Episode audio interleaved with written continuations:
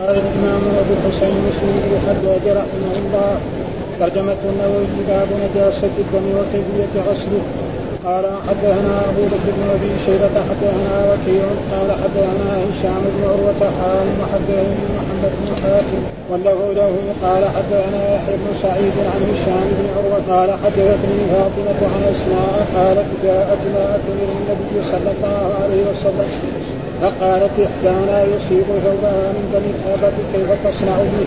قال تحطه ثم تخلطه بالماء ثم تنضحه ثم تصلي فيه قال حدثنا أبو كريم قال حدثنا ابن نمير حام وحدثني أبو الطاهر.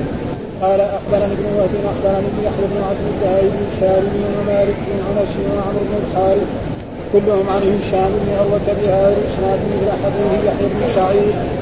قال وحدثنا أبو سعيد الأشد وأبو كريم محمد بن العلاء وإسحاق بن إبراهيم قال إسحاق اخبرنا وقال الآخران حدثنا وكيع حدثنا الأعمش قال سمعت مجاهدا يحدث عن طاووس عن ابن عباس قال مر رسول الله صلى الله عليه وسلم على قبرين فقال إما إنهما لا يعذبان وما يعذبان به كبير. أما أحدهما فكان يمشي بالنميمة وأما الآخر فكان لا يستكبر من بوله قال فدعا بعصيب رطب فشقه باثنين ثم عرس على هذا واحدا وعلى هذا واحدا. ثم قال لعله أن يخفف عنهما ما لم يلبسا. قال حدثني أحمد بن يوسف الاشد قال حدثنا محمد بن قال حدثنا عبد الواحد عن سليمان الأعمش بهذا الإسناد غير أنه قال وكان الآخر لا يستنزه عن البول أو من البول. قال كتاب الحيض باب مباشرة الحائض وقد الإزار قال حدثنا أبو بكر بن أبي شيبة وزهير بن حرب وإسحاق بن إبراهيم. قال إسحاق وأخبرنا وقال الآخران حدثنا جرير عن منصور عن إبراهيم عن الأسود عن عائشة قالت كان إحدانا إذا كانت حائضا أمرها رسول الله صلى الله عليه وسلم فتعتزل بالإزار ثم يباشرها.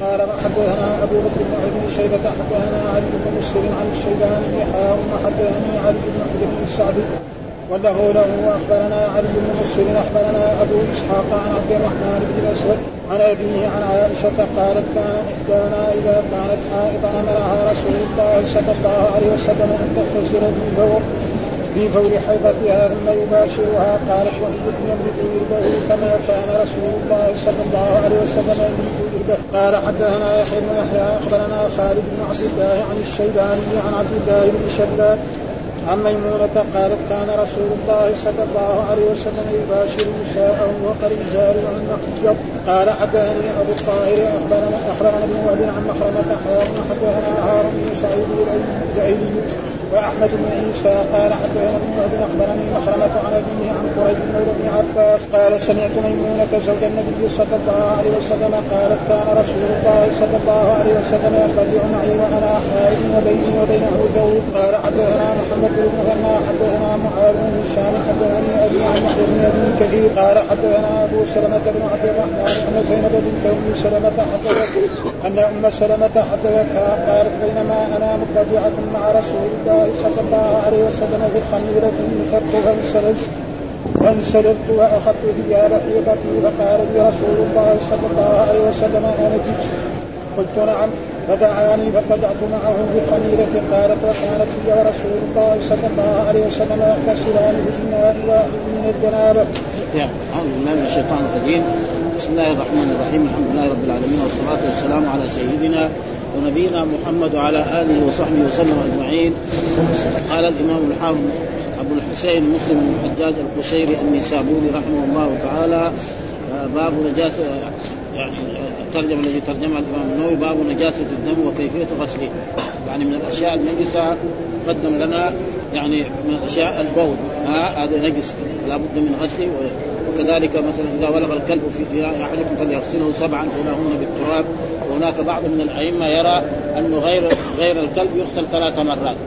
وغير والبعض يقول لا يغسل حتى ينضف. وهنا باب نجاسة الدم الدم نجس.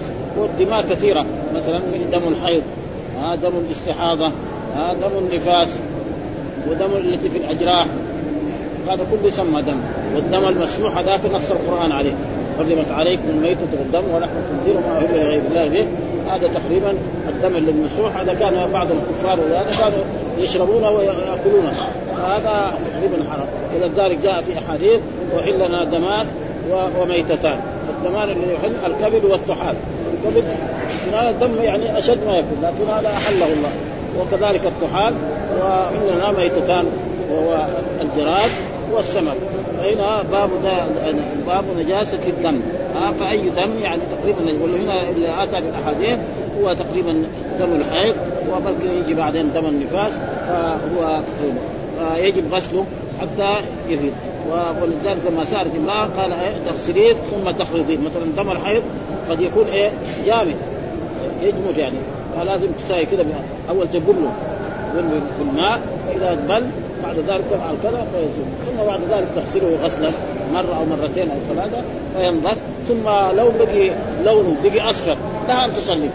ها؟ تبقي مثلا في لباسها في هذا لونه أصفر فلا بأس بذلك. إنما يزيل إيه؟ اثر الدم.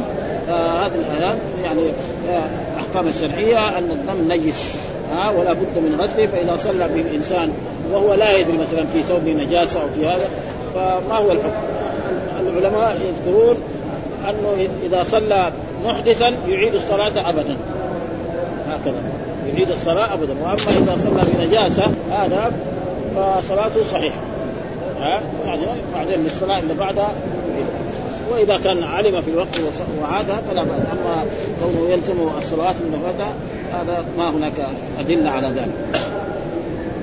إيش الدليل؟ قال حدثنا أبو بكر بن أبي شيبة حدثنا ابو حدثنا هشام بن عروة حول الاسلام وقال حدثني محمد بن أبي حاتم ابن حاتم واللفظ له حدثنا يحيى بن سعيد عن هشام بن عروة قالت حدثتني فاطمة وهذه زوجته عن أسماء وهي أسماء بنت عميسه اسماء بنت أبي بكر أسماء بنت أبي بكر الصديق قالت جاءت امرأة من النبي صلى الله عليه وسلم فقالت إحدانا يصيب ثوبها من دم الحيضة كيف تصنع به؟ قالت تحته ومعنى تحته كذا بعد ما تبل تصاي كذا حتى إيه ينزل أثر الدم. هذا إن الدم هذا يصير جامد وإذا يبس يكون أيام هذا معناه تحط ثم تخرضه ها ثم تخرضه كذا تفعل كذا هكذا بالماء وتصب عليه. ها ثم تنضحه. يعني معناه تنضحه كمان يعني ثم ثم تغسله. النضح هنا بمعنى الغسل ليس معنى الرش. لابد إيه من هذا. فإن النضح في هذا الحديث الآن بمعنى الغسل تغسله. ها ثم تصلي. ولا يلزم من ذلك أنه إذا كان في آثاره ها في لون أصفر. وهذا مسامح. لا يلزم إيه؟ ثم الحديث الثاني قال حدثنا أبو بكر بن حدثنا أبو كريب حدثنا ابن نمير حول الاسلام وقال حدثني أبو الطاهر أخبرني ابن وهب أخبرني يحيى بن عبد الله بن سالم ومالك بن أنس وعمر بن الحارث كلهم عن هشام بن عروة بهذا الإسناد مثل حديث يحيى. وذكر هنا رضي الله قالت جاءت امرأة إلى رسول الله فقالت إحدانا يصيب ثوبها من دم الحيضه ها كيف تصنع؟ قالت تحطه. ها وهذا معنى تحطه معنى باصبعها ثم تقرضه بالماء ثم تنضحه تغسله ثم الحيضه بفتح الحائل الحيض. ومعناه تحطه أي تقشره.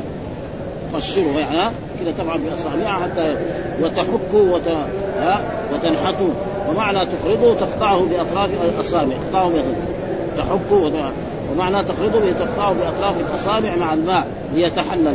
تصب عليه الماء وتساوي كده باصابعها حتى إيه؟ يتحلل ويزول واسكان القاف وضم الراء. وهو بضم التاء وفتح القاف. تقرضه تقرضه. ضم بفتح التاء واسكان القاف. تقرضه هذا تقرضه. أي تقطعه بأطراف الأصابع مع الماء ليتحلل وروي تقرضه. بفتح التاء واسكان تقرضه وضم الراء تقرضه.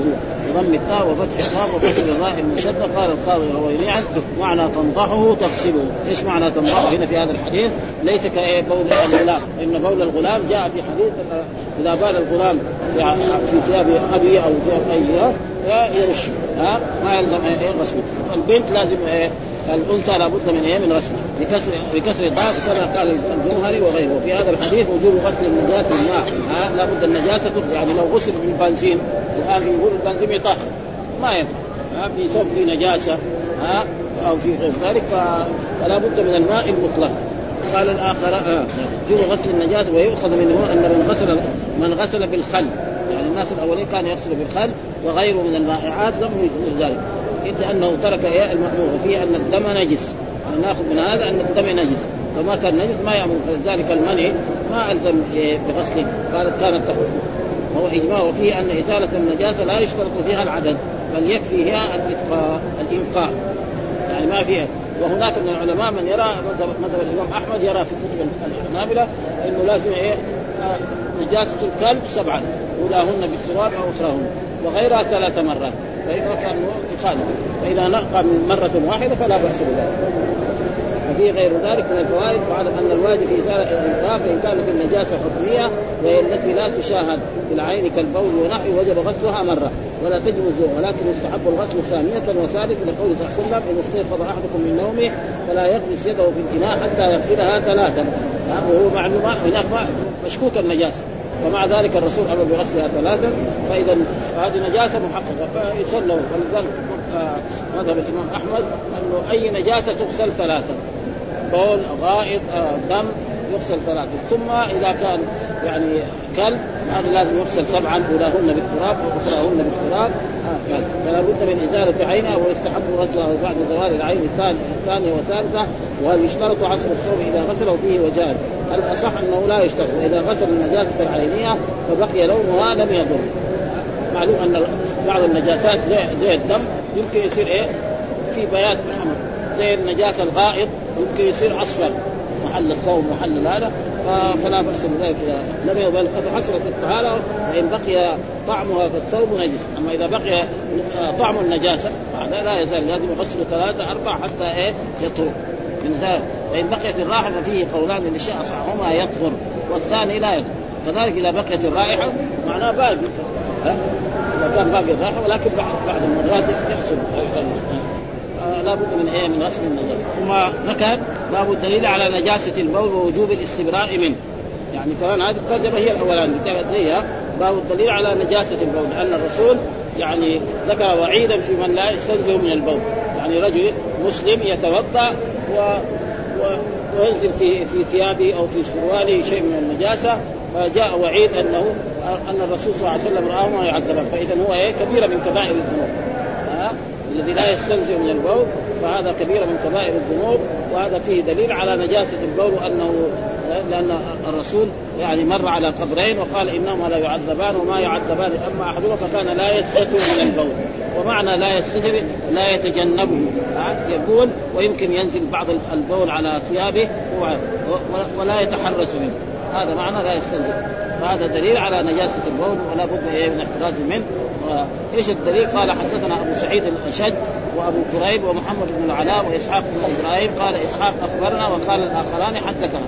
ولا فرق بين أخبرنا وحدثنا لكن الأئمة هؤلاء ما سمعوه يومون فإذا قال أخبرنا أو حدثنا أو سمعت أو قال هو بمعنى واحد.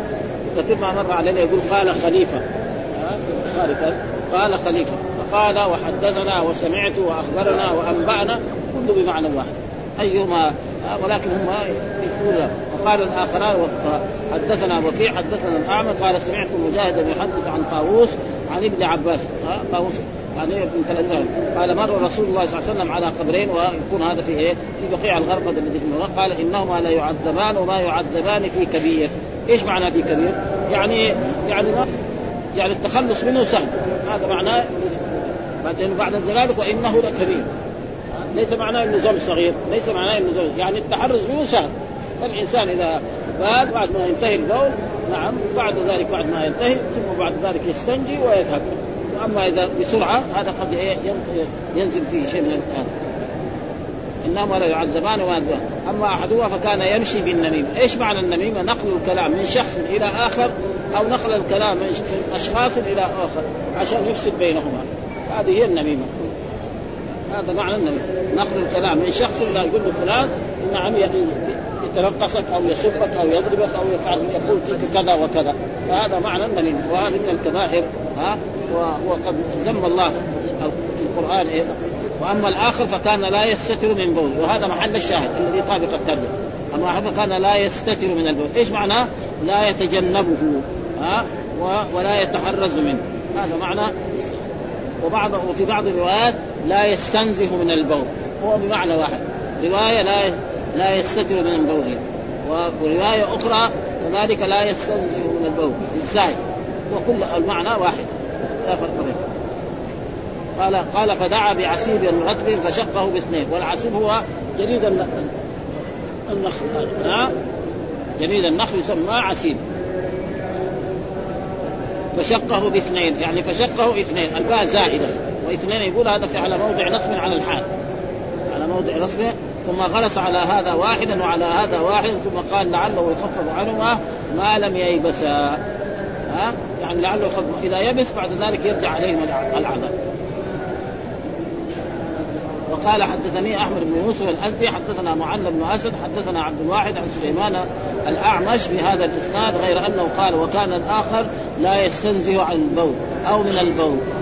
هناك لا يستنزه من بوله وهنا لا يستنزه من البول. يعني المراد إيه البول يعني بوله هو في الغالب يعني هذا المراد يعني ليس الجنسية كل البول.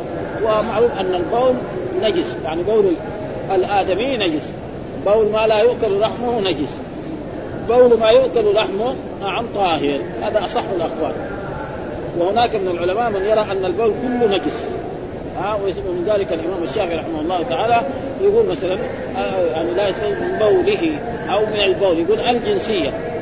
الجنسية. جنس البول كله حرام. ولكن هناك حديث صحيح عن رسول الله صلى الله عليه وسلم أن جماعة اجتاحوا المدينة فأمر رسول الله صلى الله عليه وسلم أن يذهبوا إلى ابل الصدقة فيشربوا من أبوالها وألبانها.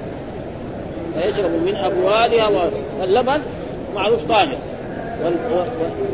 والبول وهذا علاج يعني كثير من العرب يستعملوه فيكون فيه يعني علاج وناس وكذلك يعني في بعض بعض النساء يعني يغسلن الشعر بول الإبل أو بول البقر أو هذا ويصير الشعر تقريبا فيها أما الحيوان الذي لا يؤكل لحمه هذا نجس البغل والحمار والأسد والنمر والثعلب وغير والهره وغير ذلك هذا كله آه نجس. لابد من غسله فذكر هنا آه لعله يخفف عنه ما لم يكن في الروايات الاخرى كان لا يستنزه عن البول. أو أما العسيب فبفتح العين وكسر السين المهملة وهو الجريد والغصن إيش معنى العسيب؟ قال هو الجريد من النخل. ويقال له العثكال ها لما ينزل العثكال معناه نفسه يعني. ويقال له الإثكال وقوله باثنين هذه الباء زائدة للتأكيد واثنين منصوب على الحال وزياده وزيادة الباء في الحال صحيحة معروفة. وييبس بفتح الباء الموحدة قبل السين ويجوز كسرها ييبس. ها؟ لغتان واما النميمة فحقيقتها نقل كلام الناس بعضهم إلى بعض على جهة الإفساد.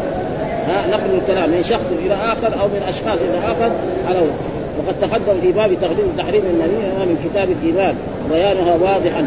مستقصى وأما قول لا يستتر من بوله فروي ثلاث روايات.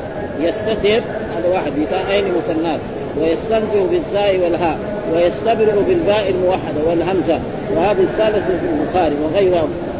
وكلها صحيحة معناه لا يتجنبه ويتحرم، إيش معنى لا يستنزه؟ يعني لا يتجنب النور ويتحرم. والله أعلم، وأما قوله صلى الله عليه وسلم وما يعذبان في كبير فقد جاء في رواية البخاري وما يعذبان في كبير وإنه لكبير.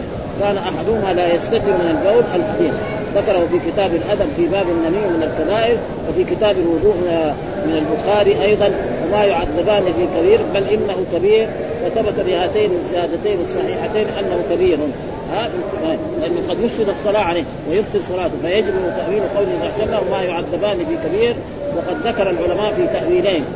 فيه تأويلين أحدهما أنه ليس بكبير في زعمهما والثاني يعني عندهم ذنب صغير وما يعذبان وقد ذكر العلماء فيه أحدهما أنه ليس بكبير في زعمه والثاني أنه ليس بكبير تركه عليهما. يعني لا يشق عليهم حكى القاضي رحمه الله القاضي عياض رحمه الله تعالى هذا. تأويلا أنه ليس بأكبر الكبائر. ها؟ يعني كبيرة من كبائر الذنوب ها؟ فقلت على هذا يكون المراد بهذا الزجر والتحذير لغيرهما الا يتوهم أحد أن التعذيب لا يكون إلا في أكبر الكبائر كما جاء في أحاديث ألا ادلكم على أكبر الكبائر؟ فقال الإشراك بالله. نعم وخط النفس التي حرم الله الحق. وحقوق الوالدين وهي سبعة إلى سبعين يعني الكبائر إلى السبعين. وإلا ذكر الرسول فيها يجتنبوا السبع الموبقات فذكر الاشراك بالله والسعر وقتل النفس التي حرم الله الا بالحق والتولي يوم الزحف لا يلزم وتركها كبيرة من والمشي بالنميمة والسعي بالإفساد ومن أقبح القبائح لا سيما مع قول كان يمشي بله كان كان التي للحالة المستمرة غالبا. بعض العلماء يقول أن كان دائما تكون إيه؟ بمعنى الاسم ولكن لا. كان مثلا واحد نقول كان كان خالد يعني مسافر ما هو دائما ولكن يجي في الأحاديث كذا يقول كان رسول الله صلى الله عليه وسلم يفعل كذا. معناه إيه؟ استمرار كان يفعل كذا. فيكون إيه؟ بمعنى هذا. والصحيح أنه ليس بهذا المعنى. قال وأما وضعه صلى الله عليه وسلم الجريدتين على القبر فقال العلماء محمود على أنه صلى الله عليه وسلم سأل الشفاعة لهما ها فأوجبت شفاعته صلى الله عليه وسلم ها بالتخفيف عنهما إلى أن يجب وقد ذكر مسلم رحمه الله تعالى في آخر الكتاب في الحديث الطويل حديث جبريل فأجيبت شفاعتي. والشفاعة بمعنى الدعاء. ها يعني كأن الرسول دعا له ها اللهم خفف عنهما العذاب هذا الذي والشفاعة هي الدعاء. ولذلك نحن واحد يقتل الإنسان يقول أنا اقدم لك فلان أشفع فيه. فمعناه أدعو له. أو أتقدم بصفة المنزلة التي كانت. و و والناس في هذا بعض الناس كذلك يقول إيه؟ وقد ذكر مسلم نحن في آخر الكتاب الحديث الطويل حديث جبريل في صاحبي القبرين فأجيبت شفاعتي أن يرفع ذلك عنهما ما دام القريبان رطبان وقيل ويعتبر النبي صلى الله عليه وسلم كان يدعو لهما تلك المدة وقيل لكونهما يسبحان. ها؟ القران قال وإن من شيء إلا يسبح بحمده. ها؟ رطبين وليس آه، لليابس تسبيح وهذا مذهب كثير. أو أو لا؟ مذهب كثير. أو الأكثرين من المفسرين وقال تعالى وإن من شيء إلا يسبح بحمده قالوا معناه وإن من شيء حي والصحيح ولو كان حي. ها؟ فقد ثبت في أحاديث عن رسول الله صلى الله عليه وسلم أن حجرا كان بمكة يسلم على رسول الله صلى الله عليه وسلم. ها, ها؟ حجر يعني ما ما يسمى حجر أما الحيوان وثبت في أحاديث كذلك أن الحيوانات كانت تسلم. وحن جزع إليه ووده الغرباء. الجزع الجزع يعني الجزع ذاك الوقت يابس. الذي كان يخطب عليه رسول الله صلى الله عليه وسلم ثم بني له منبر فصار فنقع عليه وخطب. فصار الجذع يبكي حتى نزل رسول الله صلى الله عليه وسلم وأسكته كما يسكت الإنسان طفله الصغير. أول يصيح مثلا كمية مية ثم لما يساوي كذا يخف يخف يخف حتى يسكت مرة واحدة. هذه أشياء. وكذلك ثبت في أحاديث مرت علينا أن رسول الله صلى الله عليه وسلم دخل إلى بستان آه، شخص من الأنصار فسمع شكوى البعير. فناداه قالوا أن البعير هذا حدث يشتكيك أنك لا تطعمه طعاما طيبا وتكلفه من عمل الشيء فقال اتق الله. وهذه أشياء ثابتة. يعني ف واختلف هؤلاء هل يسبح حقيقة أم فيه دلالة على الصانع فيكون مسبحا منزها بصورة. والمحققون على أنه يسبح حقيقة وقد أخبر الله تعالى وأنه من الحجاب لما لما يهبط من خشية الله. وإذا كان العقل لا يحيل جعل التمييز بها وجاء النص به وجب المصير والله أعلم. واستحب العلماء قراءة القرآن عند القبر هذا تقريبا يعني أهل الشام تقريبا الأوزاعي قبل قبل النووي. يقول بهذه الأشياء انه قراءة القرآن عند القبر كما يفعل في كثير من البلدان. أما رسول الله صلى الله عليه وسلم فكان إذا دفن أحدا من أصحابه كان يقول نعم استغفروا لأخيكم فإنه الآن يسأل. ما كان يقرأ القرآن ونفس مذهب الشافعي أن قراءة القرآن للأموات لا تجوز. وهناك من العلماء من يرى أن قراءة القرآن جائز. أما الشيء الذي يصل الميت فهي ثلاثة. نعم إذا مات ابن آدم انقطع عمله إلا صدقه جارية أو ولد صالح يدعو له أو علم ينتفع. هذا تقريبا ثابت. وغير ذلك وكذلك ثابت كذلك الصيام والحج والعمرة. هذا يعني يصل إلى الميت. اذا انسان مات وتصدق عنه يصل في هذه الأحاديث وأما مثل ذلك. ثم كذلك يعني بعض الناس كذلك في بعض البلدان صار هذا أي واحد يكون يموت ميت يأخذ شيء من يعني من الزروع أو عودا أخضر فيضعه على القبر. وكثير من أهل السنة ما يجوز هذا. يقول لأن هذا الرسول علم. نحن ما نعلم هل هو يعذب أو غير لا يعذب ومن الاصطلاحات الحديثة أن إذا ذهب ملك أو حاكم إلى بلد ما أن يخلف يعني للجند المجهول يضع الزهور عليه. دحين أي واحد يعني يذهب إلى الشرق أو يذهب إلى الغرب. اليوم الثاني من زيارته لهذه الدولة لازم يقدم الزهور للجند المجهول. كذا اصطلاحات والجند المجهول هذا خصوصا إذا كان في بلاد إسلامية وبلاد كافرة الجند المجهول الذي جوعل في روسيا. يحارب؟ يحارب الإسلام هذا. أو في بريطانيا أو في في أوروبا كلها. فهذا ما كان ينبغي يعني ولكن الناس يفعلون وقد بلغنا أول الملك فيصل لما ذهب إلى إحدى الدول رحمه الله أبى أن يقدم هذا. وهذا هو الواجب. معلش هو زاره لكن يقدم الزهور للجند المجهول، الجند المجهول هذا يعني عدو الإسلام. ما في شك. الجند اللي رتبته جعلته بريطانيا أو أمريكا أو روسيا أو بلجيكا للإسلام؟ لا ما هو الإسلام. هذا ضد الإسلام. فكان ما ينبغي أن إيه مثل هذه الأشياء يفعلها المسلمون ولا حول ولا قوة. ثم ذكر كتاب الحي وكتاب بمعنى مكتوب هنا. يعني مصدر يراد به إيه؟ يعني يراد به اسمه. يعني هذا مكتوب تجمع فيه الأحاديث الواردة في الحيض. ها؟ يذكر. ما ذكر هنا إلا حديثا أو وباب مباشرة الحائض فوق الإزار. وكذلك باب يجوز للرجل إذا كانت زوجته حائض أن يباشرها فوق الإزار. يأزر كذا من ركبتها إلى سرتها ثم يباشرها فيتصل بها اتصال يتلذذ به وقد يخرج منه المني فيرتاح. والحيض له معنيان. معنى يغتسل من هذا؟ ها؟ يغتسل. اذا إذا جامع وخرج المني وإذا ما خرج ما ما عليه. ها؟ هذا. وإذا فعل كذا يخرج. ها؟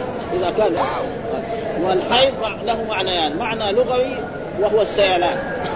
هذا معنى. حاض الوادي بمعنى سال.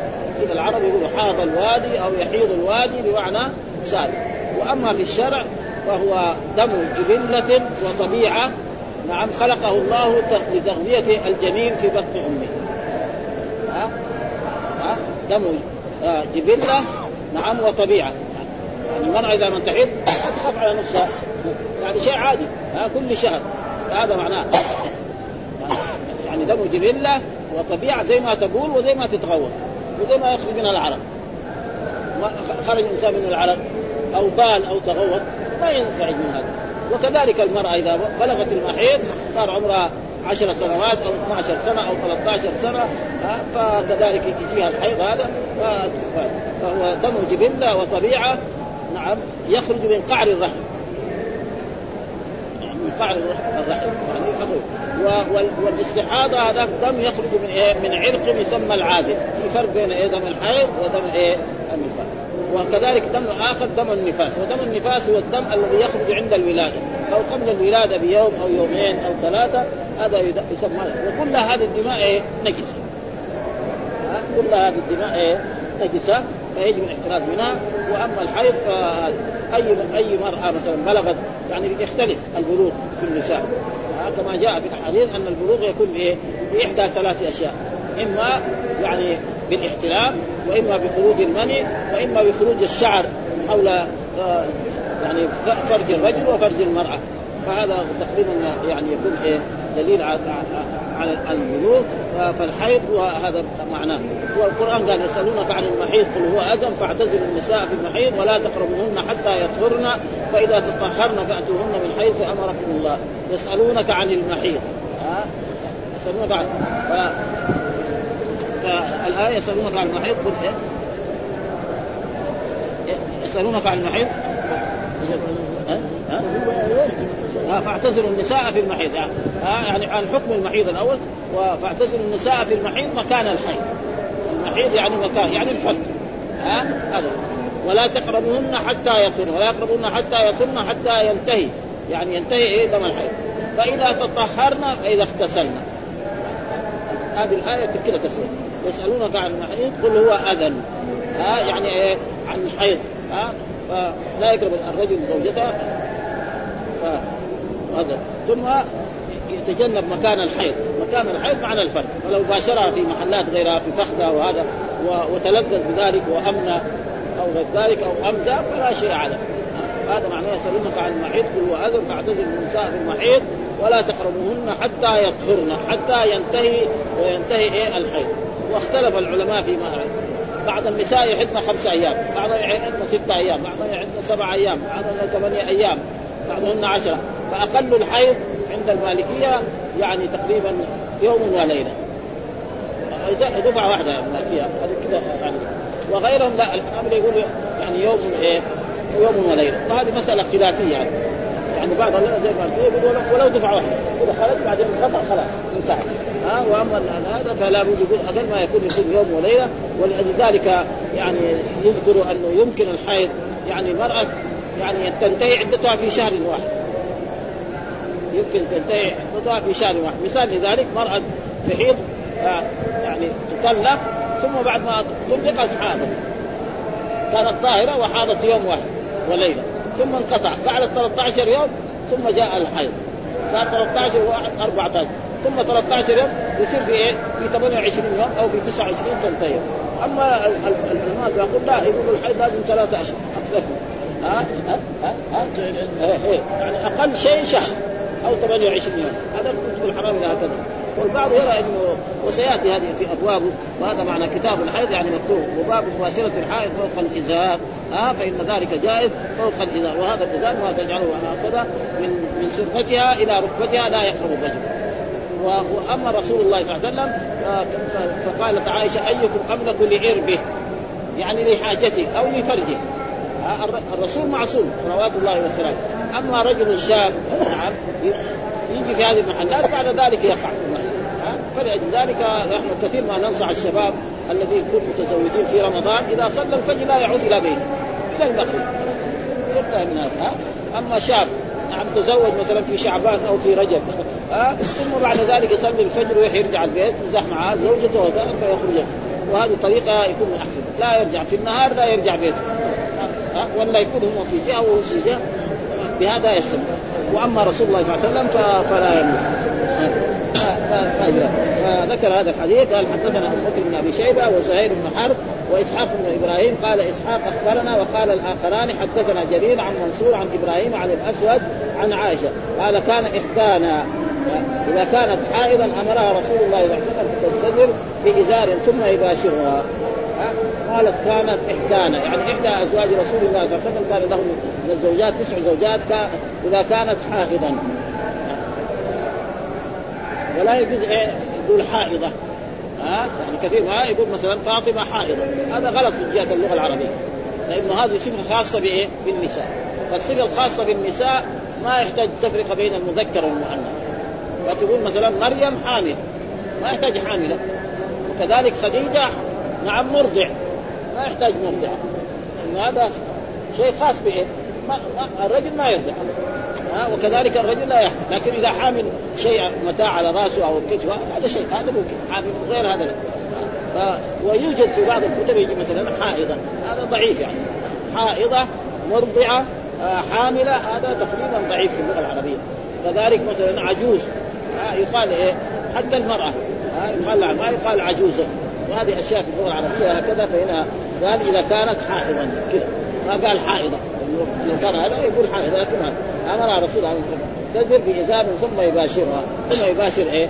فوق الإزار أو ما كان أسفل من الإزار أو في بطنها. ما اعلى من السرة فلا بأس بذلك. ها؟ ثم بعد ذلك في الاعراف ثم يباشر.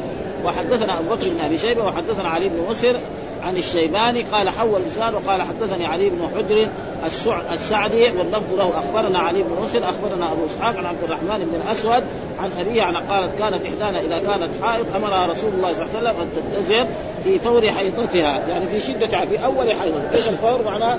يعني في قوة في أول حيضة. ثم يباش قالت أيكم يملك إربة؟ يعني أيكم يملك حاجته يعني المراد بالإرب هنا الفرد إيش المراد بالارب هنا الفرد ها؟ الرجل الثاني غير رسول الله صلى الله عليه وسلم وشاب متزوج حديث نعم اذا نعم باشرها فوق السرة قد تغري بعد ذلك يجي يغوي الشيطان ويجامعها في فرد والممنوع الفرد ولذلك الآية يسألونك عن المحيط قل هو أذى فاعتزلوا النساء في المحيط. يعني مكان ولا تقربوهن حتى ولا تقربوهن. الواو فاعل هذه للرجال وللذكور وللأزواج. والهاء للزوجات حتى يطهرن حتى ينقطع. فإذا تطهرن فإذا اغتسلن. فإذا مثلا انتهى انتهى انتهى دم الحيض. ليس له أن يجامع. حتى تغتسل. إذا كانت إيه؟ وإذا ما كان هناك ماء تتيمم. ما وجد ماء أو كان لها عذر ما تمس الماء فهي لها الايه والحديث الثاني كذلك أي كان رسول الله صلى الله عليه وسلم يملك إربة يعني يملك حاجته أو يملك فرجه. وحدثنا يحيى بن يحيى أخبرنا خالد بن عبد الله عن عن عبد الله بن شداد عن قال كان رسول الله صلى الله عليه وسلم يباشر وهو فوق الإزار وهن حيض وهن يعني ازواجه حيض. وذكر هنا الإمام النووي أشياء يعني اقراها هكذا وقع في الأصول في الرواية في الكتاب عن عائشة كان كان إحدانا من غير تاء ويجوز كانت؟ إنه يعني المراد زي ما تقول جاءت امرأته. كما هو وقد حكى في رواية في كتابه باب ما جرى من الأسماء التي هي من الأفعال وما اشبه من الصفات مجرى قال وقال بعض العرب قال امرأة. قال امرأة يجوز لأنه عنده دائما الفعل. إذا كان المؤنث حقيقيه التانيث يجب تأنيث الفعل.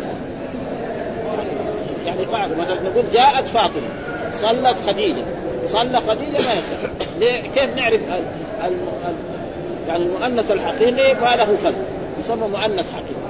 وما ليس له فرد يسمى مؤنث مجاز. مثال لذلك مثلا الشمس لك أن تقول طلعت الشمس وطلع الشمس.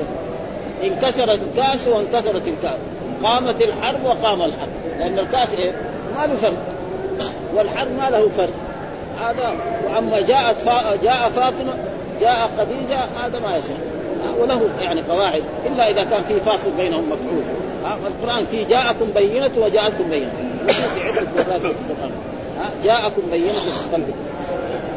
مثل هذا. فهذا نقل الإمام وهذه الصيغة انه يجوز عزل الثاني من فعل ما له نقله أيضا الإمام أبو الحسين ابن خروف في شرح الجمل وذكره آخرون. ويجوز أن تكون كان هنا التي للشأن أي كانه أو القصة أي كان الأمر أو الحال ثم ابتدا فقال احدانا إذا كانت حائض امرها والله أعلم.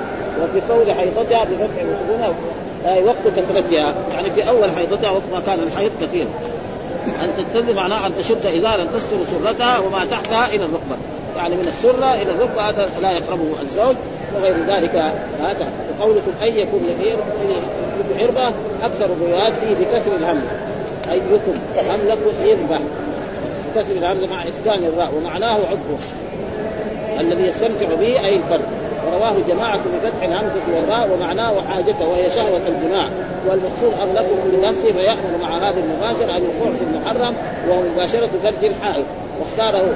واختار الخطابي هذه الرواية وأنكر الأولى وعاب عن المحدثين والله. وأما الحيض فأصله في اللغة السيلان. نقول حاض الوادي إذا سال وقال الأزهر والهرم وغيره من الأئمة الحيض جريان دم المرأة في أوقات معلومة. يرخيه رحم المرأة.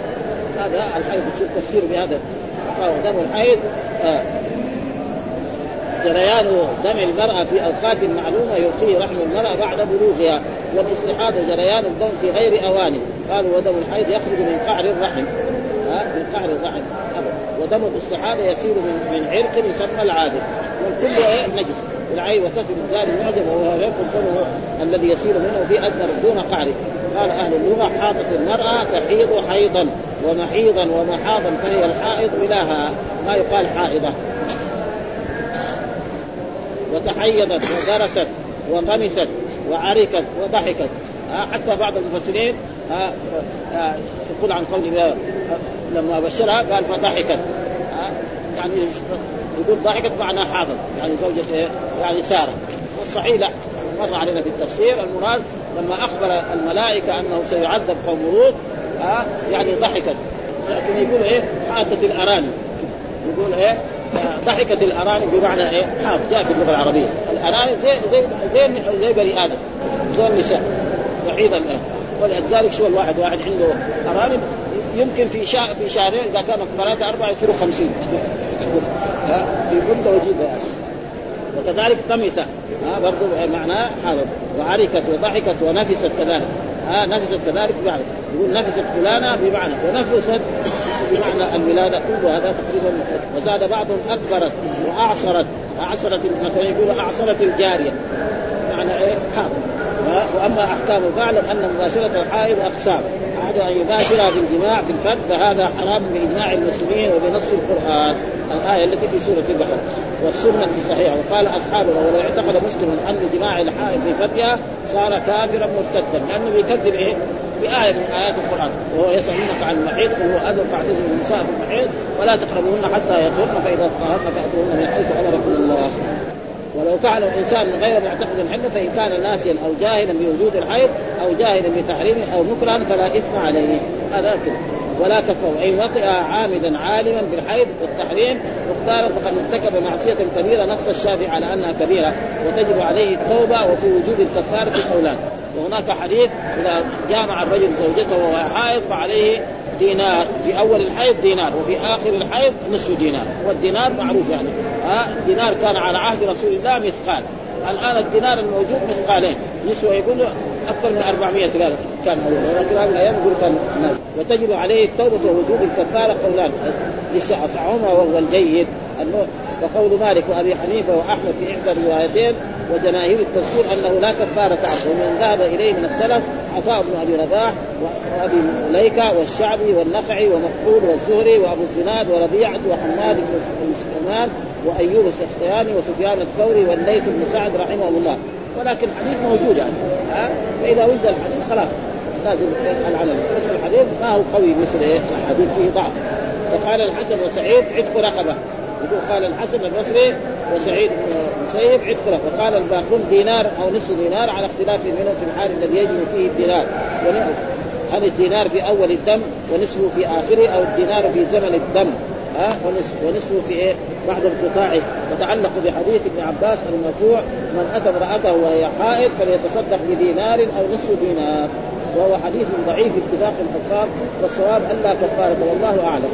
القسم الثاني المباشرة فوق السره وتحت الركبة بالذكر أو بالقبلة أو المعانقة أو اللمس أو غير ذلك فهو حلال ها فوق السره وتحت بالذكر أو بالقبلة والمعانقة أو اللمس وغير ذلك وهو حلال باتفاق وقد نقل الشيخ أبو حامد الاصفهاني وجماعة كثيره الاجماع على هذا. وأما ما حكى عن عبيد السلماني وغيره من أنه لا يباشر شيئا منها بشيء فشاذ منكر لأن الحديث كان الرسول يباشر إيه زوجاته وهن حيض مكتوب في الأحاديث الصحيحة المشهوره المذكورة في الصحيحين وغيرها في مباشرة النبي صلى الله عليه وسلم فوق الجزاء وابنه في تارك الإجماع المسلمين قبل المخالف وبعد ثم لا فرق بين أن يكون على الموضع الذي يستمتع به شيء من الدم أو لا يكون. هذا هو الصواب المشروع الذي قطع به جماهير أصحابنا وغيره من العلماء للاحاديث المطلقة. وحكى المحامل من أصحابنا وجها لبعض اصحابه أنه يحرم مباشرة وفوق السره وتحت الركبه إذا كان عليه شيء من دم الحي. وهذا الوجه باطل لا شك في بطلانه ولا. والقسم الثالث المباشرة فيما بين السرة والركبة في غير القبل والدبر وفيها ثلاثة أوجه. أصح عند عند جماهيرهم وشرع في المذهب أنها حرام، الثاني أنها ليست بحرام ولكنها مكروهة كراهه التنزيل، وهذا يكفي أيكم أملك لعربه من حيث الدليل وهو المختار، الوجه الثالث إن كان المباشر يصرف نفسه عن الفرد ويثق بالنفس باجتنابه إما لضعف شهوته وإما لشدة ورعه جاز والا فلا. وهذا الوجه أحسن. قال ابو العباس البصري. اصحابنا نصح وممن ذهب إلى الوجه الأول هو التحريم مطلقا مالك وأبو حنيفة وهو قول أكثر العلماء.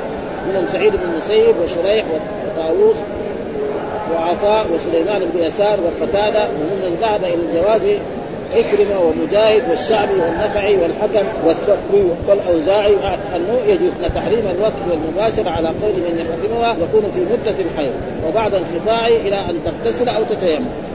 نص الآية كده. يسألونك عن المحيط قل هو آدم فاعتزل النساء في المحيط ولا تقربوهن حتى يطهرن فاذا تطهرن فأتوهن من حيث أمركم الله. انه يحب التوابين ويحب المتطهرين نقول إيه بعد ما يعني ينقطع الحيض لازم إيه تغتسل.